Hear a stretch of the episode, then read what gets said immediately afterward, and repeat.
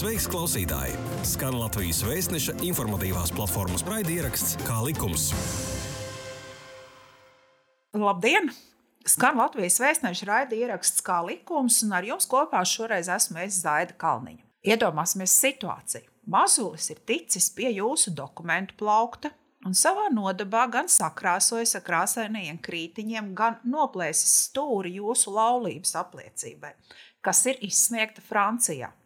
Bet pēc nedēļas ir jums jādodas pie notāra, un šis dokuments noteikti notāram būs jāuzrāda. Ieraugot šo bērnu veikumu, visticamāk, smaidīt negribas. Un vienīgais jautājums tajā brīdī ir, ko nu darīt, kurp doties un cik ātrā laikā būs iespējas saņemt jaunu dokumentu. Jā, iespējas, protams, ir, un par tām mēs arī šodien runāsim. Mūsu sarunas tēma, kā noprotat, būs atkārtot civil stāvokļa aktu reģistrācijas dokumentu saņemšanas iespējas un izprasīšana arī no ārvalstīm.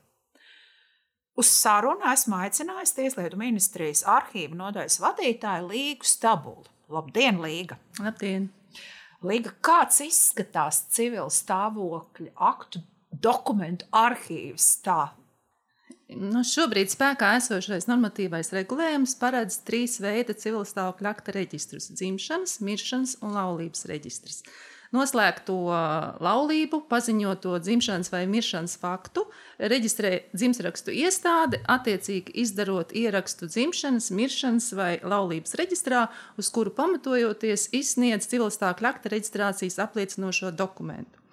Un šī civilstāvokļa akta reģistrācija notiek vienotajā civilstāvokļa aktu reģistrā. Un no šī, šī reģistra izsniedz arī atkārtotus civilstāvokļa akta reģistrāciju apliecinošus dokumentus. Tātad, sākotnēji reģistrējot uh, civilstāvokļa aktu, izsniedz šo sākotnējo apliecību, kura ir jāglabā ļoti, ļoti kārtīgi. Bet, ja nu ir gadījies tāds, tāds uh, situācija, ka šī apliecība ir pazudusi, tad ir iespēja pieprasīt atkārtot cilastākļa akta reģistrāciju apliecinošu dokumentu. Ar iesniegumu ir jāvēršās dzimtsrakstu nodaļā. Šeit es gribu uztver, uzsvērt, jebkurā dzimtsrakstu nodaļā, jo, ja agrāk bija piesaiste tai dzimtsrakstu nodaļai, kas glabāja konkrēto reģistru papīra formā, un um, nebija šīs iespējas uh, jebkurā, ies, jebkurā dzimtraksta nodaļā pieprasīt dokumentu, tad šobrīd līdz ar šo vienoto reģistru izveidi iesniegumu var iesniegt jebkurā dzimtraksta nodaļā vai Latvijas Republikas diplomātiskajā un konsulārajā pārstāvniecībā ārvalstī, ja persona uzturās ārvalstī, vai Tieslietu ministrijas dzimtrakstu departamentā. Dzimtrakstu nodaļa glabā cilvēku akta reģistra ierakstus simts gadus, un pēc tam nodod pastāvīgā valsts glabāšanā Latvijas valsts vēstures arhīvam Rīgā Slokas ielā 16. Tātad dzimtsrakstu nodaļā glabājas arī Latvijas PSR laulības un ģimenes kodeks paredzētajā kārtībā izdarītie civilstāvokļa akta reģistra ieraksti, kā dzimšanas, miršanas, laulības, laulības šķiršanas, paternitātes noteikšanas, adopcijas un arī vārdu, uzvārdu un tautības ierakstu maiņas akta ieraksti kā arī baznīcu metriku grāmatas, gan draugu dzimušo un, reģistri, e, dzimušo un kristīto reģistri, e, laulāto reģistri un mirušo reģistri, kas ir izdarīti pa konfesijām. Tātad, ja ir nepieciešama civilstāvokļa akta reģistrācija apliecinošie dokumenti sākot ar 1920. gadu, tad ar iesniegumu jāvēršas dzimtsrakstu nodaļā, pārstāvniecībā ārvalstī vai Tieslietu ministrijas dzimtsrakstu departamentā. Uh -huh ārkārtīgi daudz, ārkārtīgi sarežģīti, bet no jūsu stāstītājas tagad mēģināšu atstāstīt, vai es sapratu pareizi, tad šajās dzimtsarakstu nodaļās nav duplikātu vai kopiju šīm apliecībām, bet tie ir ieraksti kādās grāmatās vai elektroniskajos reģistros. Jā. Tieši tā, tā sākotnējā, nu, ko cilvēki vienmēr domā, ka tā ir tā oriģinālā apliecība, pamatoties uz kuru ir izsniegts dokuments, tā tas nebūtu nav, ir civilstāvokļa akta reģistra ieraksts, kurš uh, papīra formā glab, glabājas iesiets, iesiets konkrētā reģistra grāmatā, vai dzimšanas, vai miršanas, vai laulības reģistra grāmatā, un pamatojoties uz ierakstu šajā uh, reģistrā, tiek sagatavots dokuments. Un uh, vēl ir viena nianses tā, ka atkārtoto apliecību sagatavo saskaņā ar normatīvo regulējumu, kāds ir dokumenta izsniegšanas brīdī. Uh, un šobrīd mm, nu, piemēram, atkārtotais, atkārtotais dokuments nebūs pilnīgi vienāds, tāds kāds bija sākotnējais. Neapšaubām. Jā, atšķirsies arī ar, ne tikai ar, ar apliecības numuru un izdevēja iestādi, kas šo dokumentu izdevusi, bet arī atšķirsies uh, Mm, nu, piemēram, dzimšanas vietu, eh, vietu nosaukums, kā dzimšanas vieta, kā mirušās personas dzimšanas vai miršanas vieta, vai laulāto dzimšanas vieta, tiks eh, apliecībā norādīta atbilstoši administratīva teritoriālam iedalījumam, kāds ir dokumentu izsniegšanas brīdī. Nu, piemēram, lai varētu saprast labāk, ja apliecība izsniedz no 1966. gada dzimšanas reģistra, kur eh, persona ir dzimusi Bauskas rajona Ceraugstes ciemā, tad šobrīd izsniedzot apliecību, jau dzimšanas vieta būs norādīta Bauskas novads, Ceraugstes pagasts. Un arī attiecīgi ziņas, kas ir attiecībā uz personas kodu, uh, tautību, valstisko piedarību un tās veidiem, šīs ziņas aktuālās arī tiks pārņemtas no fizisko personu reģistra un, un tiks norādīts atkārtot izsniegtajā dokumentā. Jo 66. gada reģistrā nebūs personas kods, tur nebūs, jo šos kodus tikai ar 1992. gadu piešķīra, un arī nebūs valstiskā piedarība. Bet atkārtotā dokumentā šīs ziņas būs būs ierakstītas un, un aktuālās uz to brīdi, kad uh, tiek sagatavots dokuments. Tā tad nevajag baidīties no tā, ka pēkšņi 66. gadā cilvēkam, kas ir dzimis šajā gadā, dzimšanas apliecības ierakstā parādīsies cita informācija. Jā. Jā, nu, tā informācija, reģistrēšanas vieta, tātad šī dzimšanas nodaļa, ja, ja dzimšanas uh, reģistrs ir sastādīts, nu, tā, šo piemēru 6. gada Bauskas rajona ciema padomas izpildu komitejā, tā reģistrēšanas iestāde arī apliecībā būs identiska. Un arī šis reģistra numurs, cilvēku akta reģistra numurs un uh, datums. Tā ir nemainīga informācija. Un attiecībā uz personas vārdu un uzvārdu arī šīs ziņas tiks ierakstītas atbilstoši ierakstam vēsturiskajā reģistrā. Jo, ja persona ir nu, stājusies laulībā pēc dzimšanas reģistrācijas laika gaitā, tad šis laulības uzvārds neparādīsies dzimšanas apliecībā, būs dzimtais uzvārds. Gan sarežģīti ir ko ņemties. Es pieļauju, ka dzimšanas nodaļu darbiniekiem jā, jāmeklē šādi vēsturiskie ieraksti, bet varbūt sāksim vēlreiz atkārtot. Jūs jau minējāt, bet nosauciet vēlreiz, lūdzu. Kādi ir dokumenti, kurus var vēršoties šajā dzimšanas nodaļā saņemt atkārtot? Dzimšanas, miršanas vai laulības apliecību, izziņu par dzimšanas fakta reģistrāciju, miršanas fakta reģistrāciju un laulības reģistrāciju, kā arī cilvēku akta reģistra ieraksta kopiju. Kādiem mērķiem cilvēkiem varētu būt vajadzīgas šīs kopijas, piemēram? Reģistra kopijas tieši. Nu, reģistra kopijas vairāk pieprasa um, tiesas, izmeklēšanas iestādes, notārs, bāriņtiesa. Uh, Bet uh, cilvēks, ja viņš vēlas par sevi saņemt civilstāvokļa akta reģistra ierakstu kopiju, tad reģistra ierakstu kopijā informācija būs visa pieejama, kas tajā brīdī, reģistrējot uh, dzimšanas faktu, tika norādīta arī civilstāvokļa akta reģistra ierakstā.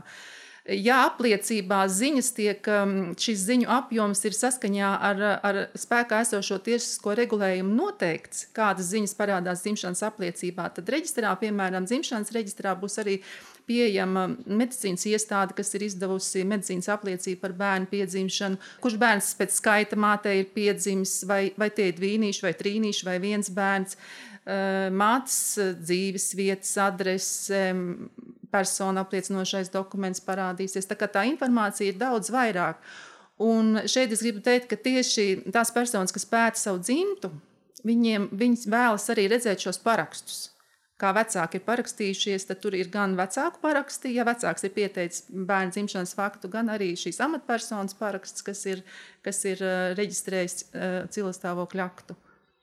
Jā, bet, tur, bet tur ir tikai viena nianses, ka par sevi tikai var pieprasīt par sevi cilvēkstāvokļa akta reģistra ierakstu. Un, ja mirušais, tad mirušā radinieks var, var par mirušo personu pieprasīt cilvēku akta reģistra ierakstu. Bet pārsvarā eh, izsniedzam dzimšanas, laulības, miešanas apliecības vai izziņas, jo arī izziņā var ierakstīt papildus informāciju saskaņā ar ierakstu cilvēku akta reģistrā. Jā, tas ir ļoti interesanti. Par to nekad nevarētu iedomāties, ja mēs tā nesarunātos. Iespējams, Jā. Sakiet, Līga, vai ir nozīme, cik reizes, piemēram, ir nozaudēta dzimšanas apliecība? Nāk pie jums cilvēks 3, 5, 6 reizes, tam ir nozīme vai ne? Cilvēkstāvokļa akta reģistrācijas likuma 6. pantā ir noteikts personas, kuras ir tiesīgas pieprasīt un saņemt atkārtot dokumentu. Bet normatīvais regulējums neparedz skaitliskā ziņā ierobežojumus. Ik reiz, kad persona būs ieradusies dzimšanas iestādē, pieprasīs atkārtoto dokumentu. Ja šī persona būs tiesīga pieprasīt un saņemt attiecīgo dokumentu, tad arī dzimšanas iestāde šo dokumentu izsniegs. Vai jūs fiksēsiet, ka trešo reizi izsniedz?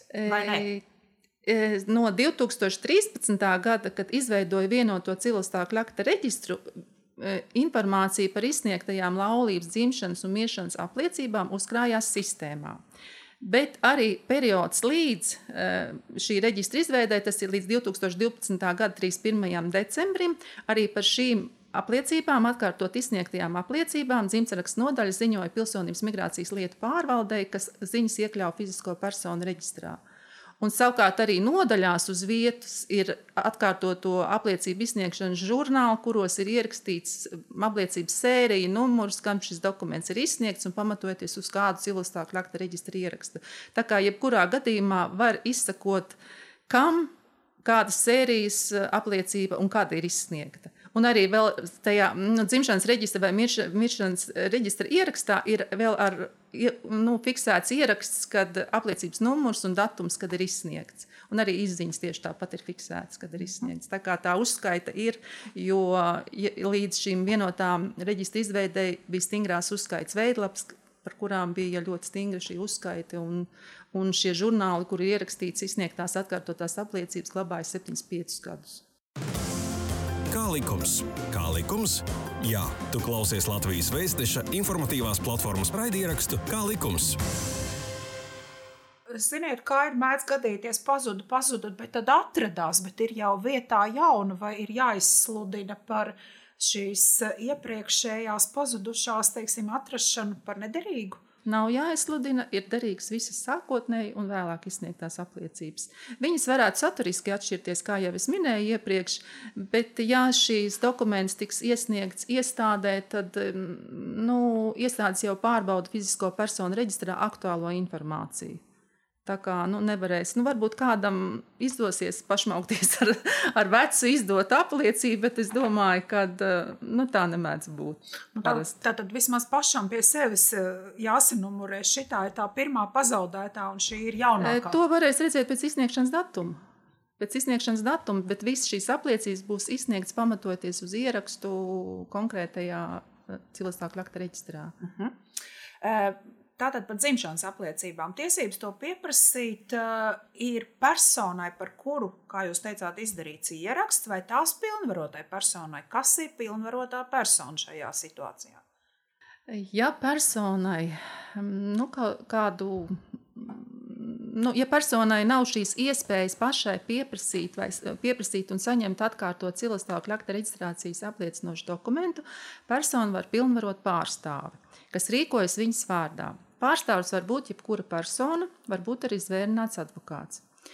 E, ja pilnvarota persona pieprasa atkārtot dokumentu, tad šai personai ir jāuzrāda notariāli apliecināta pilnvara.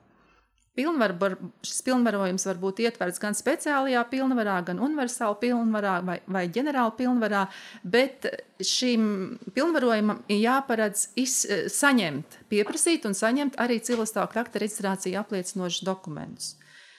Ja zvērināts advokāts pieprasa civilstāvokļa akta reģistrācijas apliecinošos dokumentus, sniedzot juridisku, juridisko palīdzību, tad zvērināta advokāta pilnvarojumu un tā apjomu apliecina orders. Un arī dzimtraksts nodaļa vērtē attiecībā par pilnvaru vērtē, vai pilnvaras devējs pats ir tiesīgs pieprasīt un saņemt to informāciju, ko pieprasa pilnvarnieks. Jo pilnvaras saņēmējs nevar pieprasīt vairāk informācijas, nekā tas eh, pats pilnvaras devējs būtu varējis pieprasīt. Tā kā šim pilnvarojam apjomam ir jābūt um, pietiekamam, un, lai varētu saņemt šo dokumentu. Teiksim, nevar pilnvaru, kas ir pilnvarot uh, vadīt transporta līdzekli, izņemt atkārtot dokumentu.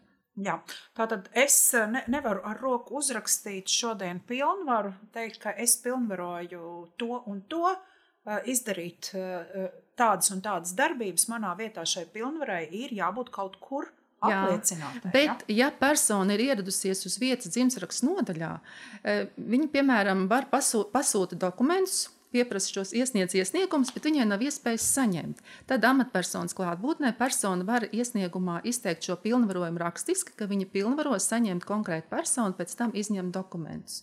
Tā kā uz vietas šis pilnvarojums var, tikt, var būt arī izteikts, bet amatpersonas klātbūtnē, kas apliecina šo, šo izteikto gribu. Mhm. Jā, tā piebilda jūsējā, ka pilnvarēji jābūt ir konkrētam deleģējumam, jā, ka darīt to un to, tas ir, manuprāt, daudzās vietās un, un daudzkārt eh, cilvēki tieši saskars ar šo nu, pilnvarās nēsamību šādas situācijas. Tātad ir jāparedz iespējami daudz, ja tā ir, piemēram, universāla pilnvara.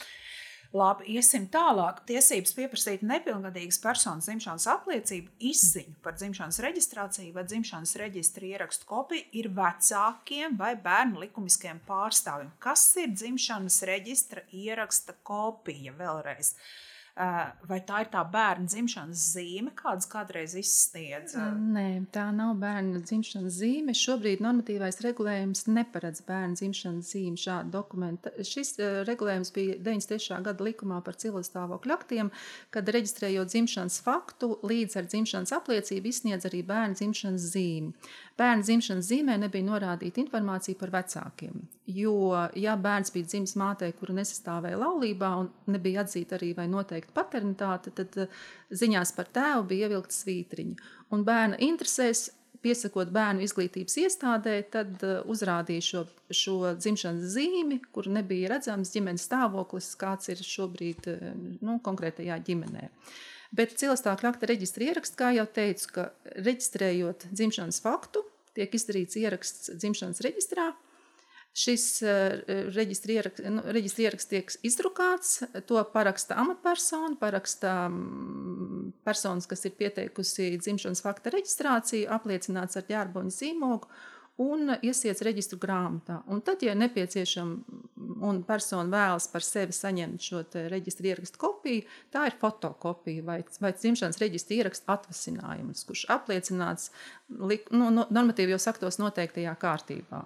Tātad tas ir, ko jūs teicāt, ka tie, kas pētu dzimtu, tiem tas varētu jā, būt interesanti. Jā, jā mēs vēlreiz noprecizējām. Jā, paldies! Uh, par laulības apliecībām. Tiesības pieprasīt laulības apliecību, izziņu par laulības reģistrāciju vai laulības reģistra ierakstu kopiju ir personai, par kuru ir izdarīts ieraksts vai tā pilnvarotai personai. Sakiet, vai pilngadīgs bērns uh, ir tiesīgs prasīt savu vecāku laulības apliecību, ja nav šīs pilnvaras?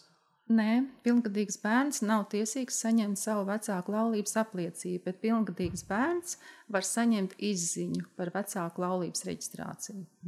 Ja laulība izbeidzas ar vienu laulātā nāvi vai izsludināšanu par mirušu, izsniedz izziņu par laulības reģistrāciju sakarā ar ierakstu laulības reģistrā.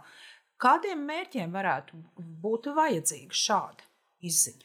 Nu, piemēram, ja pārdzīvojušā laulātā rīcībā ir laulības apliecība, tad, teiksim, ja jāpierāda radniecība, mantojuma lietā vai jāpierāda jebkurā lietā šī uzvārda maiņa, kas stājoties laulībā ir mainīts uzvārds, tad šis laulātājs var izmantot laulības apliecību, kas ir viņa rīcībā. Bet, ja šī laulības apliecība nav mm, laulātā rīcībā, tad ir jāpieprasa jaun, jauns atkārtots uh, dokuments, un šajā gadījumā tā būs izziņa par laulības reģistrāciju, jo laulības apliecība neizsniedz sakrā to, ka laulība vairs nav spēkā. Skaidrs.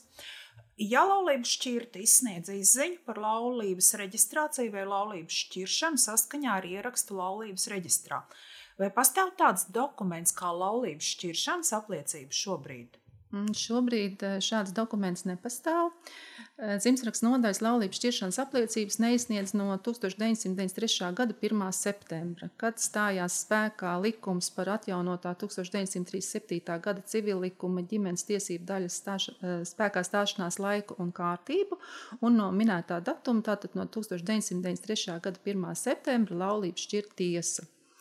Un, ja tiesas spriedums ir stājies spēkā no 93. gada 1. septembra, tad laulības šķiršana apliecina, tiesas spriedums par laulības šķiršanu un papildus izziņa no laulības reģistra par laulības reģistrāciju ar ziņām par laulības šķiršanu nav nepieciešama. Bet, ja laulība ir šķirta tiesā un tiesas spriedums ir stājies spēkā līdz 93. gada 31. augustam, tad šādus tiesas spriedumus bija jāreģistrē dzimtsrakstu nodaļā, un laulība skaitījās šķirta no laulības šķiršanas reģistra izdarīšanas. Šajā gadījumā laulības šķiršana apliecinās izziņa par laulības šķiršanu saskaņā ar ierakstu laulības šķiršanas reģistrā vai izziņa par laulības noslēgšanu ar ziņām par laulības šķiršanu saskaņā ar ierakstu laulības reģistrā. Jo tiesas spriedums, um, šādus tiesas spriedumus, kas bija stājušies spēkā līdz 93. gada 31. augustam, bija jāreģistrē dzimtsrakstu nodaļā, vēl varēja reģistrēt līdz 94. gada 31. augustam vienu gadu ja neviens no laulātajiem šo uh, tiesas spriedumu par laulības šķiršanu nenoriģistrēja, tad šobrīd šī laulība ir, uh, ir spēkā un nav šķirta. Oho. Ja izņēmuma gadījums bija tikai tad, ja līdz šim 94. gada 31. augustam viens no laulātajiem bija noreģistrējis laulības šķiršanu, tad attiecīgi laulība var papildināt laulības šķiršanas reģistru otru pusi, jo otra pusi, puse nav nomaksājusi valsts nodevu, nav izpildījusi savu pienākumu pret valsti, bet laulība skaitās šķirta. Jo praksē ir ik pa laikam ir kāds gadījums, kas, kad uh, laulā, laulātie nav reģistrējuši laulības šķiršanas spriedumu, kurš stājies likumīgā spēkā līdz 93. gada 31. augustam dzimtsrakstu iestādē.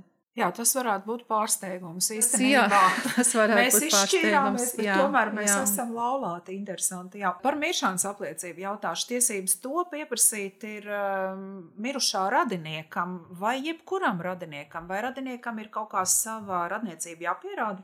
Normatīvajā regulējumā nav, nav šī radniecības pakāpe norādīta. Ja persona radniecību var pierādīt, vai arī iestāde var ieskatīties fizisko personu reģistrā, nu cik nu var pārbaudīt šīs ziņas, tad persona ir tiesīga pieprasīt gan apliecību, gan izziņu, gan arī reģistra kopiju.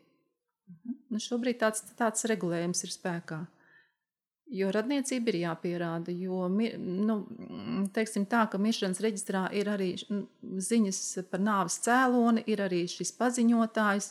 Ja mirušas personas eh, datus eh, neaizsargā, mirušas personas datus gan fizisko personu datu aizsardzības likums, gan arī vispārējā datu aizsardzības regula, bet eh, šie dati var, var skart arī dzīvās personas, kā piemēram norādīt uz pārmantojumu slimību vai arī bieži vien dzimtas pētnieki vēlas, lai izziņā ierakstītu informāciju, kas ir miršanas reģistrācija, kas ir paziņojis. Tad, ja šeit ir jau konkrēta persona, kuru var identificēt, tad mēs neesam šādas ziņas arī tiesīgi norādīt. Par um, nu, paziņotāju, ja būs teiksim, vārds, uzvārds vai adrese vai personas kods. Jā, dati ir 21. gadsimta nafta. Nevajag tos norādīt. Ļoti labi. Par citām personām jautāšu. Citai personai ir tiesības pieprasīt un saņemt izziņu par cilvēkstāvokļa akta reģistrāciju, ja tā pamato savu tiesisko ieinteresētību un norāda mērķi, kādam šī izziņa tiek pieprasīta. Kādi iemesli tiks izskatot, izskatīti par pamatotiem?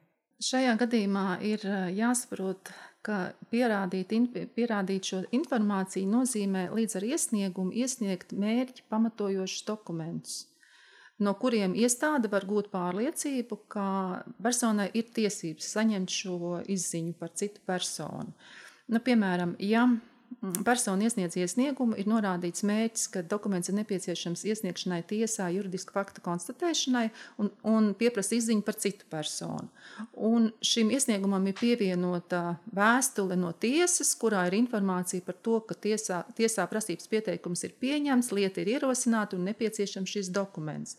Tad iestāde vērtējot informāciju, kas ir nos, norādīta iesniegumā un šo pievienoto dokumentu, ir tiesīga, viņi gūst pārliecību, ka šis dokuments ir nepieciešams. Un arī izziņā e, tiks norādīts mērķis, kad izziņa ir izsniegta ar, ar, ar mērķi iesniegt konkrētā tiesā juridisku faktu konstatēšanai. Bet, piemēram, ja personai nav šī pierādošā dokumenta, ko pievienot, tad, tad tajā gadījumā, ja, ir, ja dokuments ir jāiesniedz tiesā, tad pēc personas lūguma uh, šo dokumentu var tiesa izprasīt. Nu, piemēram, piemērs, kad tēvs, ne, persona, persona pieprasa nepilngadīgas personas um, dzimšanas apliecību vai izziņu par dzimšanas reģistrāciju. jo persona vēlas iesniegt prasības pieteikumu tiesā, lai noteiktu paternitāti. Pārbaudot ziņas fizisko personu reģistrā, šai personai reģistrēta bērna nav.